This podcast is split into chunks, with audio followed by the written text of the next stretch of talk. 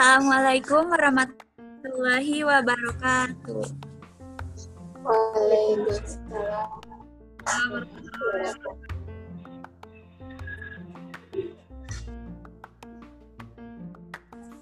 Uh, perkenalkan, nama saya Karisma Tanfirul Kulub.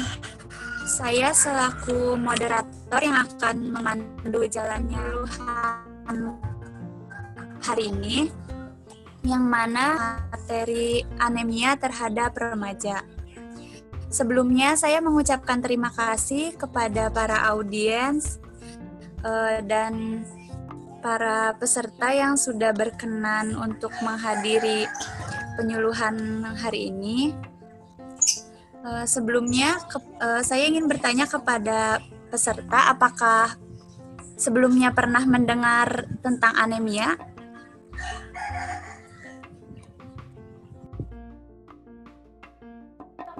Pernah, pernah.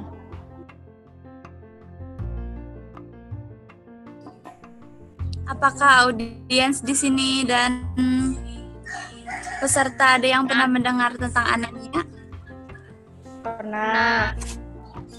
Tujuan dari penyuluhan kali ini yaitu untuk memberikan sedikit informasi kepada para remaja mengenai apa sih anemia dan apa sih penyebabnya dan bagaimana cara uh, kita sebagai remaja untuk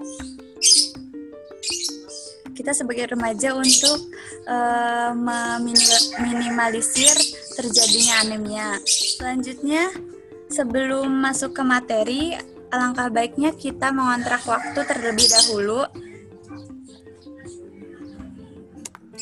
Apakah ada yang ingin mengajukan waktu atau sebelumnya saya ingin mengontrak waktu selama 30 menit apakah para peserta setuju? Setuju. Setuju, setuju. Baik, terima kasih. Uh, kita kontrak waktu selama 30 menit.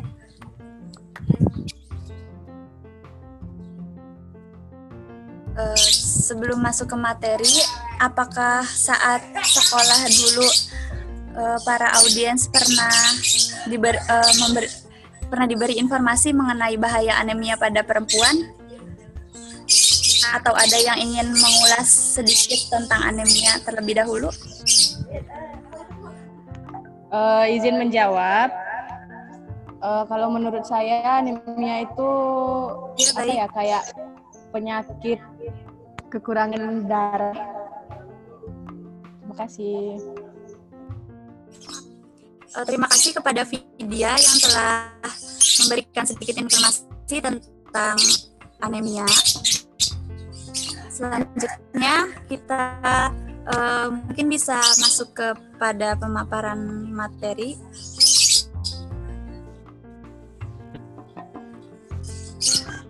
Baik, terima kasih kepada moderator. Izinkan saya untuk share screen materinya ya. Baik, silahkan uh, Dela.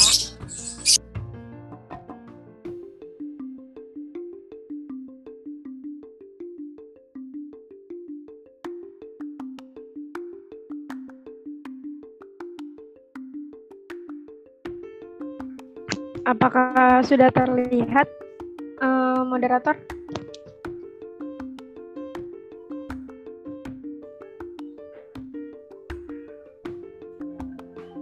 Sudah, Dela. Baik, terima kasih. Uh, terima kasih kepada moderator yang sudah mengawali pembukaan pada penyuluhan ini. Uh, terima baik, kasih telah saya share screen. Baik, terima kasih kepada moderator juga. Uh, di sini saya juga mewakili kepada teman-teman. Di sini ada Dela Mivanda, teman saya juga ada Fitri, Nurasi, Lola Putih Ayuni, Karisma Tanfirul Kulub, dan Rahma Majida Prasanti. Nah, uh, teman-teman di sini, adik-adik maupun kakak-kakak semua, uh, di sini kami akan memaparkan mengenai kenapa sih anemia pada remaja putri itu berbahaya. Nah, kita simak dulu ya. Next. Nah, pertama kita harus tahu dulu nih, anemia itu apa sih? Nah, Anemia adalah suatu keadaan di mana jumlah sel darah merah yang disebut kadar hemoglobin dan volume pada sel darah merah yang disebut hematokrit itu kurang dari jumlah normal. Nah, biasanya nih kita nih uh, di dalam masyarakat atau orang-orang awam menyebut anemia itu sebagai kekurangan darah. Nah, untuk mengindikasi apakah kita itu terkena anemia atau tidak, dilihat dari kadar hemoglobin pada tubuh kita. Untuk laki-laki itu kriterianya itu anemia itu kurang dari 13 gram per desiliter. Nah, sementara kalau untuk remaja putri itu kurang dari 12 gram per desiliter. Nah, lalu apa sih jenis-jenis anemia itu? Nah, biasa kan kita tahunya cuma anemia itu kurang darah. Nah, ternyata anemia itu banyak loh macam-macamnya. Yang pertama itu ada anemia zat besi. Nah, anemia zat besi itu kondisi di mana tubuh ini kekurangan kadar zat besi. Di mana kadar zat besi ini sangat penting untuk membantu sel darah merah membawa oksigen ke seluruh tubuh. Nah, selanjutnya itu adalah anemia aplastik, di mana kondisi tubuh itu stop atau berhenti untuk memproduksi sel darah merah. Nah, yang ketiga itu ada anemia asam folat. Anemia asam folat ini adalah kekurangan asam folat atau vitamin B2 B9 pada tubuh kita. Nah, ini tuh penting banget nih buat uh, memproduksi sel darah merah yang membawa oksigen ke seluruh tubuh. Nah, sementara yang selanjutnya adalah anemia sel sabit. Anemia sel sabit apa sih? Nah, dia ini termasuk anemia yang tergolong karena penyakit pembawaan atau keturunan. Anemia sel sabit ini ditandai dengan sel darah merahnya yang membentuk sabit. Jadi ada kecacatan gitu atau rusak dalam bentuk sel darah merahnya sehingga dia ini bisa memblokir aliran darah. Dan yang selanjutnya itu ada anemia vitamin B12. Ini prinsipnya sama kayak anemia asam folat Bedanya anemia vitamin B12 ini kekurangan vitamin B12. Jadi, vitamin B12 dan vitamin asam folat itu dua-duanya vitamin yang sangat penting untuk sel darah merah kita. Nah, khususnya apa nih? Untuk membantu bagaimana sel darah merah ini membawa oksigen ke seluruh tubuh. Uh, saya harap semua teman-teman ini uh, udah mulai tahu ya jenis-jenis anemia itu banyak loh. Selanjutnya, saya berikan pe pemaparan kepada uh, Fitri. Nah, di sini tuh ada penyebab dari anemia. Penyebab anemia sendiri itu ada banyak ada banyak sekali ya. Ada yang dari kekurangan zat besi, adanya kekurangan pengetahuan, adanya infeksi parasit, adanya kekurangan vitamin B12, ada juga yang dari kelainan genetik maupun dari perdarahan. Maksudnya kekurangan zat besi itu ketika anemia, ketika kita mengkonsumsi makanan yang kekurangan dari zat besi, itu akan menyebabkan anemia. Terus juga di sini adanya kurang pengetahuan. Maksudnya kurang pengetahuan itu misalnya kita belum terlalu aware. Kita tidak tahu apa itu anemia, apa itu gejala anemia, dan bagaimana cara mencegahnya anemia. Nah, dari situlah karena remaja putri biasanya kurang pengetahuan tentang anemia tersebut, sehingga tidak aware terhadap keadaan anemia kayak penyakit hemoglobinnya kurang ini, itu bisa menyebabkan remaja tersebut mengalami anemia. Next.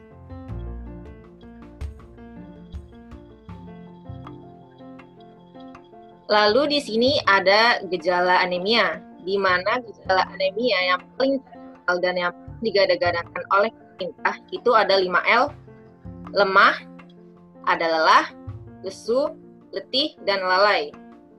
Biasanya yang gejala dari 5L ini yang mudah untuk dideteksi secara dini.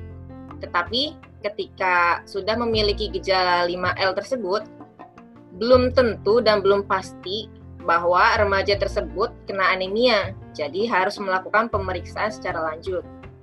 Lalu ada lagi eh, kelopak mata bagian bawah itu pucat.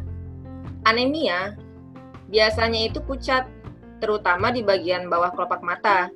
Jadi dari gejala-gejala tersebut dapat dilihat dan dapat dideteksi dini oleh remaja itu sendiri karena ini gampang ya dideteksi jadi bisa mencegah lebih lanjut untuk pemeriksaan.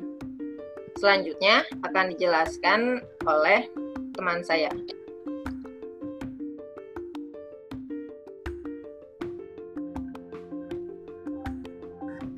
Baik, selanjutnya akan dilanjutkan oleh saya. Yang selanjutnya di gejala anemia ini ada muntah, detak jantung tidak e, beraturan, rambut rontok, pusing, sakit kepala dan pucat. Biasanya yang sering e, timbul itu pucat ya, yang sering kita apa?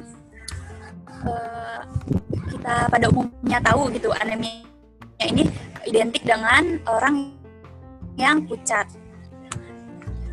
dan sering pusing. Selanjutnya ada dampak pada dampak anemia uh, pada remaja yang akan dijelaskan oleh teman saya. Baik, saya lanjutkan sebelum saya akan menjelaskan tentang uh, apa saja sih dampak-dampak dari anemia ini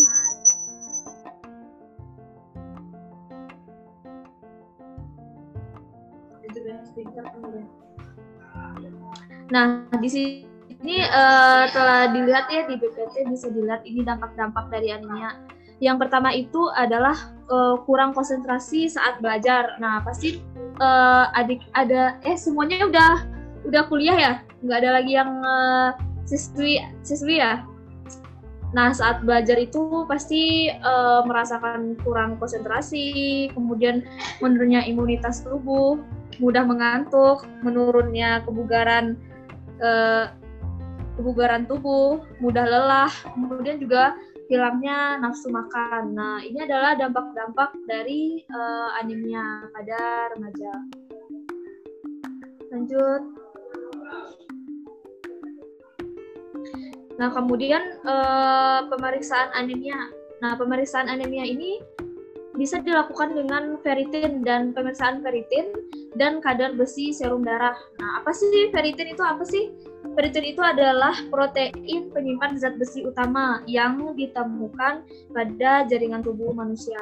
Ini untuk melakukan pemeriksaan anemia bisa dilakukan dengan pemeriksaan ferritin dan kadar besi serum darah pada remaja. Lanjut. Nah, selanjutnya akan dijelaskan oleh teman saya. Terima kasih. Sebelumnya, apakah suara saya terdengar? Teman? Terdengar, Santi. Ya, baik. Uh, kemudian ada, uh, saya Rahma Majida Prastanti akan meneruskan materi dari Lola Putri ini. Kemudian ada bagaimana cara penanggulangan dan pencegahan anemia. Nah, upaya pencegahan yang bisa kita lakukan sejak uh, remaja terutama itu yang pertama itu ada mengkonsumsi suplemen tablet tablet FE atau uh, kalau di bahasa kita itu biasanya namanya tablet tambah darah. Kayak misalnya ada sangobion atau apa terus sebut merek jadinya nggak apa-apa. Uh, tablet FE ini bisa me, uh, sudah banyak penelitian kalau tablet FE ini bisa menambah kadar hemoglobin kita secara efektif gitu, secara cepat. Jadi eh, nggak uh, harus itu apa namanya gimana gimana. Nah tablet FA ini uh, direkomendasiin buat dikonsumsi minimal satu minggu tuh sekali kalau lagi nggak menstruasi. Kalau lagi menstruasi itu satu kali sehari. Kemudian tuh ada cara mencegahnya lagi yaitu mengkonsumsi makanan bervitamin C kenapa sih berharus makanan vitamin C ya? Karena kalau vitamin C ini sifatnya uh, buat memaksimalkan penyerapan zat besi di tubuh. Kayak kalau uh, kan kita kalau uh, makan apa namanya yang banyak mengandung zat besi kayak daging yang hewani-hewani atau sayuran yang uh, mengandung zat besi kayak brokoli terutama daging sih yang paling ngaruh itu kalau bisa abis makan yang daging itu minumnya yang kayak jus jeruk kayak es uh, minuman jeruk gitulah pokoknya bervitamin C. Nah itu tuh bagus karena uh, akan memaksimalkan penyerapan zat besi dari kandungan di zat besi di daging itu ya. Kalau misalnya kita justru misalnya minum teh itu malah uh, gimana ya sia-sia gitu karena di teh ini ada kandungan namanya tanin. Nah, tanin ini ternyata sifatnya itu mengabsorsi zat besi. Apa sih itu absorsi? Absorsi itu jadinya pas vitamin uh, zat besinya masuk ke tubuh kita kayak dari daging yang kita konsumsi. Kalau habis kita minum makan daging itu kita minum teh, malah dari teh itu uh, menyerap vitamin eh vitamin menyerap zat besi yang kita konsumsi. Jadi bukannya keserap ke tubuh malah hilang bersama tanin gitu. Makanya disarankan banget kalau uh, setelah mengkonsumsi makanan tinggi zat besi itu mengkonsumsi uh, minuman yang bervitamin yang banyak mengandung vitamin C next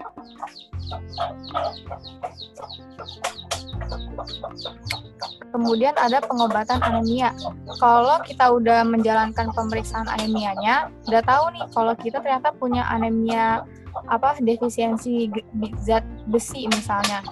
Uh, yang pertama tuh kita harus periksa kondisi anemia kita pertama uh, ke tenaga kesehatan terdekat pasienkes terdekat gitu. Kita harus tahu kita tuh uh, misalnya udah tahu kita ternyata udah tahu dari gejalanya 5L tadi terus sama pusing dan lain-lainnya tapi kan kita belum tentu yang kita alami itu ternyata anemia jadi kita harus tahu dari kita periksa dulu ke tenaga kesehatan terdekat kalau udah tahu ternyata kita anemia kita juga harus tahu anemia kita tuh jenisnya yang mana. Jadi kita bisa uh, memberikan pengobatan ke memberi, diberikan pengobatan yang tepat sesuai jenis anemia yang kita alami gitu. Sama mengkonsumsi tablet tambah darah tadi. Gitu. Next.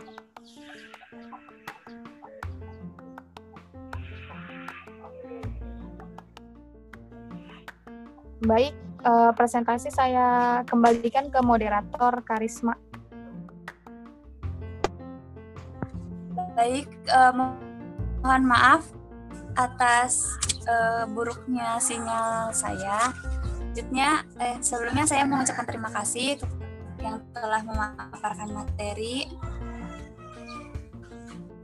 Selanjutnya, eh, apakah ada yang ingin bertanya mengenai materi yang telah disampaikan?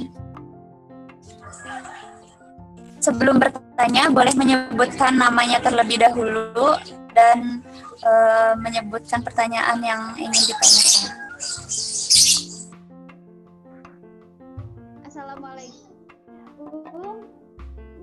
Assalamualaikum warahmatullahi wabarakatuh. Waalaikumsalam warahmatullahi wabarakatuh.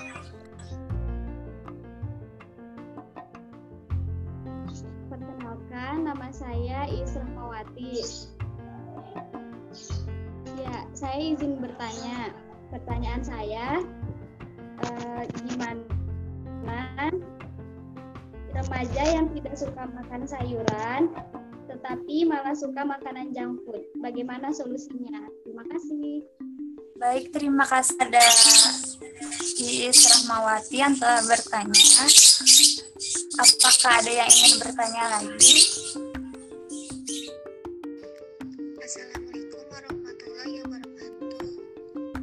Waalaikumsalam warahmatullahi wabarakatuh. Kenalkan nama saya Iis Isnaini Savitri. Saya izin bertanya kak, saya tuh pernah transfusi darah tuh katanya lebih cepat dibanding obat penambah darah. Kira-kira itu kenapa ya kak? Terima kasih. Baik, terima kasih kepada kepada pertanyaannya. Baik, uh, sambil menunggu pertanyaan selanjutnya, saya izinkan saya untuk menjawab pertanyaan dari yang pertama uh, kepada saudari Israhmawati. Pertanyaannya kan gini, apakah bagaimana nih pencegahan terhadap remaja apabila dia tuh suka makan junk food. Itu solusinya gimana terhadap anemianya? Nah, yang pertama kan junk food itu emang makanan cepat saji ya. Kita tahu bahwa makanan cepat saji itu kan nutrisinya sedikit. Nah, untuk itu kita berikanlah uh, penjelasan, berikan pemahaman yang lebih mendalam bahwa uh, sebenarnya kan anemia itu bisa diganti dengan yang lain kan, misalkan kayak mengonsumsi vitamin C dan mengonsumsi sayur-sayuran. Umpama dia uh, sukanya junk food, mungkin dia bisa uh, mengonsumsi minumannya seperti minuman vitamin C, gitu kayak minuman jeruk. Nah, kalau bisa dia juga bisa mengonsumsi sayur-sayuran atau enggak buah-buahan. Jadi nggak hanya jadi kalau bisa sih seperti itu. Kita beri pemahaman, kita berikan penjelasan bahwa junk food ini nutrisinya sedikit. Kandungan uh, dari makanan junk food juga kan itu bisa justru kan uh, menyebabkan penyakit-penyakit lainnya ya. Makanya itu perlu beri pemahaman bahwa ayo kita sama-sama yuk makan sayur gitu. Pasti adalah orang walaupun dia suka makan junk food, adalah pasti suka makan sayur, mungkin sayur tertentu atau mungkin buah tertentu, atau bisa juga uh, digantikan dengan makan-makan daging. Dagingnya daging kalau bisa sih buatan rumah atau buatan sendiri gitu. Kurang-kurangin junk food gitu loh. Terus kalau bisa nih minumannya juga minuman yang kayak uh, jus buah, buah jambu, buah jeruk seperti itu sih cara solusinya. Bagaimana kepada saudari Iis Rahmawati? Apakah sudah jelas jawabannya?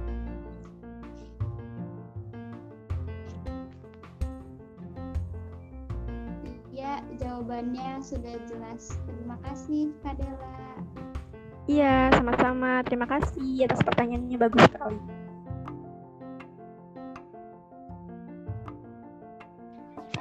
mungkin barangkali di sini teman-temannya ada juga yang masih bingung mengenai anemia. Tadi kan juga banyak-banyak tuh macam-macamnya apa aja. Mungkin ada yang mau ditanyain, gak apa-apa, jangan malu-malu. Kita di sini sama-sama sharing, sama-sama belajar juga, sama-sama berbagi ilmu juga gitu. Apa yang kita tahu kita sharing, dan apa yang kita dapatkan semoga bisa diterapin di kehidupan sehari-hari. Gitu. Monggo siapa yang mau bertanya atau mungkin presentatornya ada yang ingin menjawab pertanyaan yang kedua dari Is Isna ini. Sebelumnya, apakah suara saya terdengar, teman?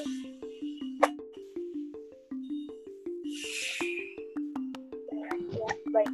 Uh, saya akan menjawab pertanyaan dari Is Isna ini ya mengenai kenapa transfusi darah itu uh, lebih cepat daripada konsumsi tablet tambah darah ya.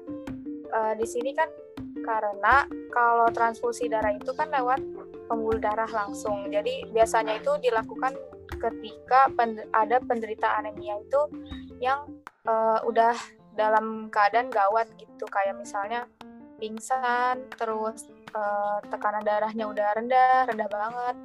Terus kalau ada kecelakaan sampai perdarahan atau ada gagal jantung juga bisa. Uh, jadi kalau transfusi darah itu langsung dimasukkan ke pembuluh darahnya, jadi langsung tersambung gitu sama uh, tubuh ya. Kalau konsumsi obat itu kan hanya harus diproses dulu dalam pencernaan, harus diserap dulu sama tubuh gitu kan. Jadi butuh waktu yang lebih lama. Tapi kalau untuk kalau untuk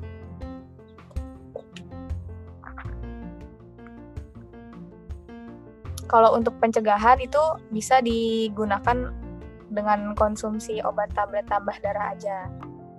Bagaimana teman?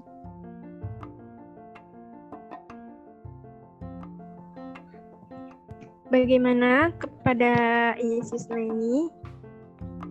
Apakah jawabannya sudah jelas? Terima kasih.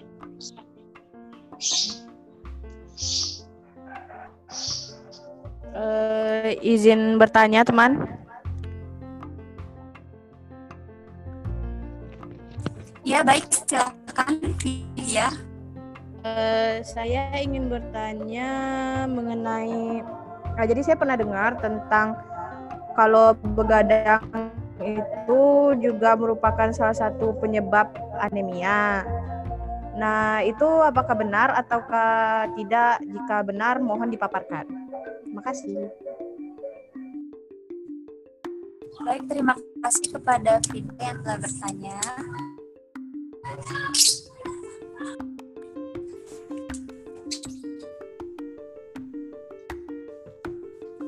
Bagaimana? Apakah ada yang ingin menjawab?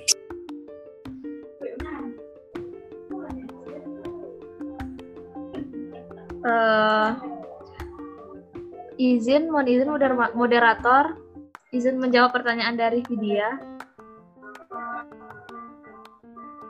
Baik, silakan Lola. Eh, pertanyaan tadi adalah apa eh apakah benar eh, kurang tidur itu eh, menyebabkan terjadinya kenapa bisa terjadi terjadinya terjadinya anemia. Nah sebenarnya eh, benar kenapa eh, anemi kekurangan tidur itu bisa menyebabkan anemia. Kenapa? Karena ki- ketika kita kurang tidur atau kita begadang pada malam harinya itu akan kan eh, kadar hemoglobin di dalam tubuh kita sehingga akan terjadi anemia di eh, pada tubuh kita tersebut. Makanya eh, buat teman-teman semua jangan sering-sering begadang ya walaupun tugasnya menumpuk. Terima kasih. Apakah sudah jelas Vidya? Sudah, terima kasih kepada Lola. Sama-sama. Sebelumnya saya pengen nanya nih kepada kakak-kakak dan adik-adik.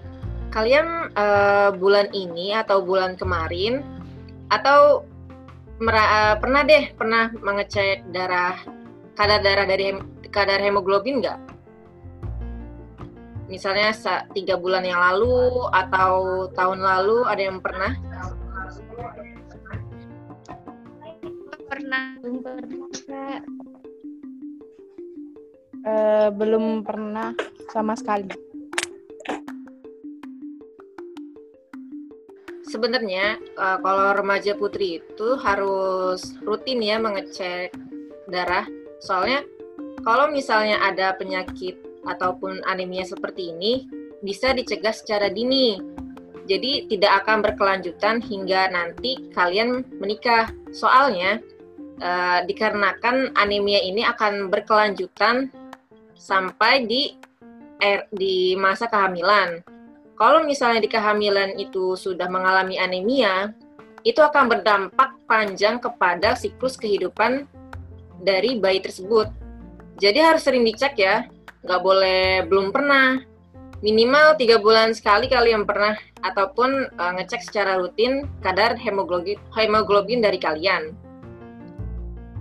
Misalnya mulai dari bulan depan kalian coba deh pemeriksaan kadar darah. Kalau misalnya ternyata hemoglobin kalian rendah, bisa dicegah dari sekarang. Dari eh, misalnya kalian makanannya food terus kan. Terus juga jarang makan sayuran, jarang makan daging, buah-buahan juga jarang juga. Terus kalau misalnya kalian kayak begitu, pasti bakalan kena anemia deh. Cobain deh mulai dari bulan depan kalian pemeriksaan secara rutin. Kalau misalnya sudah dicegah kan jadi enak ya bisa di bisa dideteksi dini kayak gitu. Nanti eh, biar mengurangi resiko anemia tersebut. Sebelumnya terima kasih.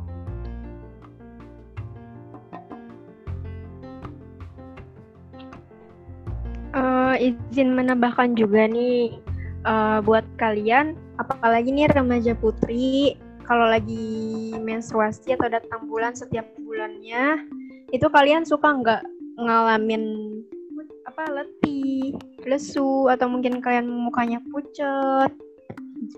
Kira-kira dari kalian ada yang mau sharing nggak? Gimana? Di saat kalian menstruasi ada yang ngalamin itu atau pusing? Ya. Iya, silakan.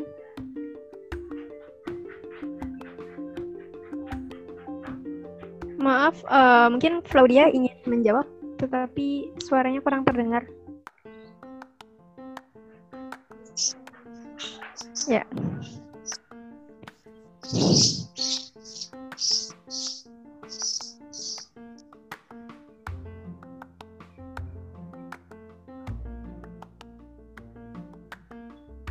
Maaf, uh, apakah ada yang ingin menjawab? Gimana?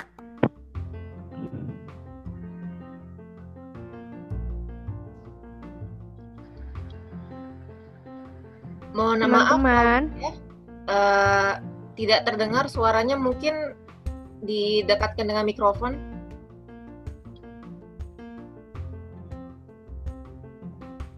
Dengar sama sekali soalnya, maaf ya. Uh, maaf teman, kita kontrak waktunya tadi sampai jam berapa ya? 30 menit. Wow. Ya, sinyal-sinyal. sinyal. Iya, silahkan uh, diulas sedikit saja.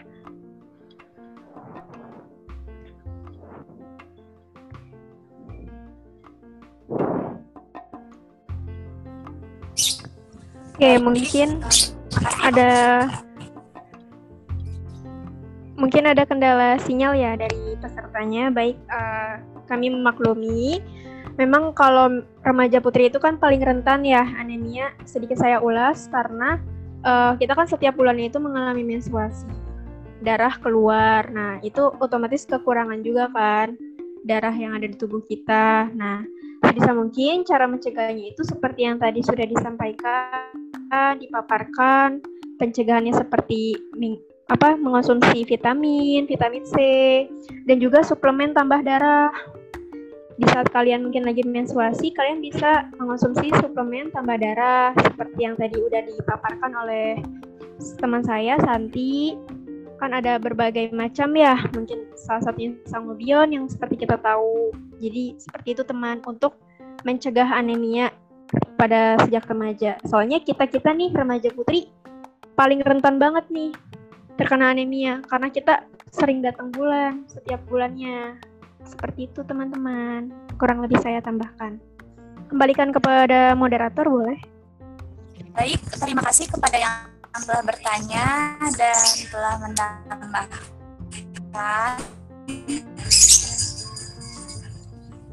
Uh, sebelum dilanjutkan ke sesi selanjutnya, apakah ada yang ingin bertanya lagi?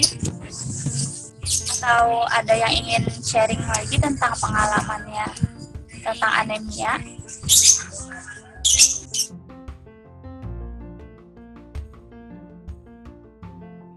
Hmm, baik, moderator sepertinya sudah cukup.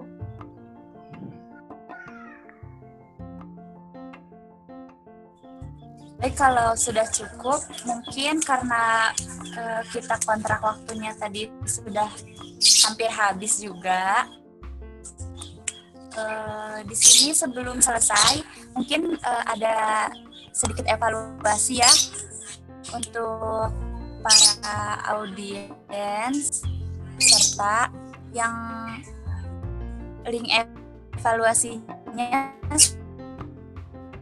dikirimkan lewat chat nanti kalian bisa saya uh, akan menyampaikan sedikit kesimpulan dari pemaparan materi tadi yaitu bahwa uh, remaja ini rentan untuk uh, terkena anemia, terutama remaja putri yang mana uh, remaja putri juga akan, uh, yang nantinya akan mengalami siklus menstruasi.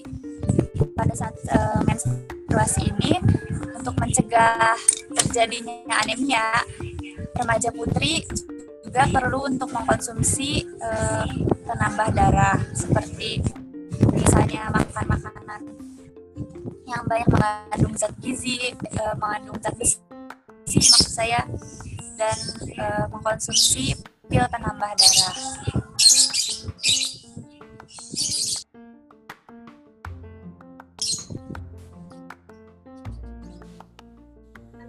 Uh, izin moderator. Ya. Uh, kepada teman-teman semua, uh, saya menambahkan uh, terima kasih kepada partisipan yang telah uh, hadir di penyuluhan kita pada sore hari ini. Eh, ini ada link evaluasi di chatroom. Mohon diisi ya buat teman-teman semua untuk eh, evaluasi dari penyuluhan kita nanti. Terima kasih semuanya.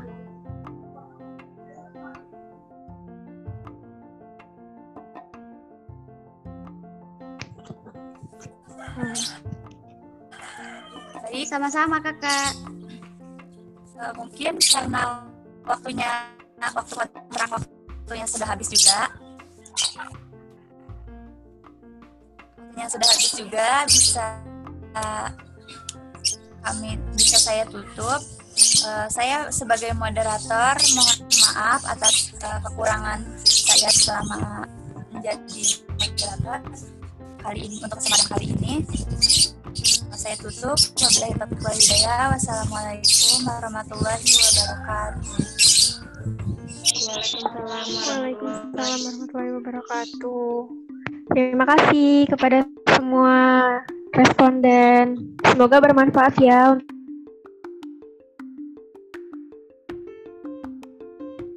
Ya, bila ada ada ada salah-salah kata dari kami semua sebagai presentator, Eh, Dela, udah di itu dulu kita foto deh, foto dulu deh biar dokumentasi. Iya, eh, terakhir nih teman-teman kita izin ya untuk mengetek dokumentasi sebagai bukti penyuruhan untuk hari ini. Boleh siap-siap teman. Mungkin yang lagi nyala lagi matiin kameranya boleh dinyalain dulu sebentar.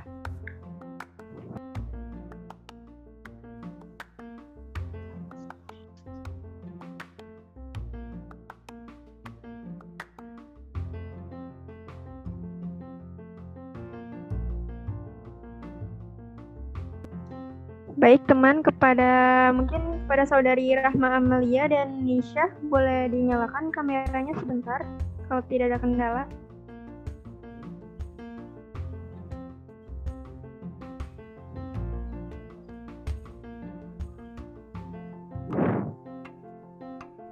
Hmm, saudari Nisha bisa menyalakan kameranya? Mohon maaf, kamera saya lagi ada apa namanya masalah nggak bisa nyala. Oh gitu ya udah tidak apa ya. Ah terima kasih. Ya mungkin bisa langsung saja didokumentasiin. Siapa yang mau kamera foto? ya. Lalu senyum. Oke. Satu, dua, tiga. Ganti gaya, ganti gaya. Satu, dua, tiga. Oke. Oke, sudah. Makasih Abang. Bisa makasih teman. Terima kasih semuanya yang telah hadir. Mohon maaf Love ya you, kalau guys. Maaf ya terlalu lama. Semuanya. Makasih juga ilmunya. ya. Dia. Dian kak kangen.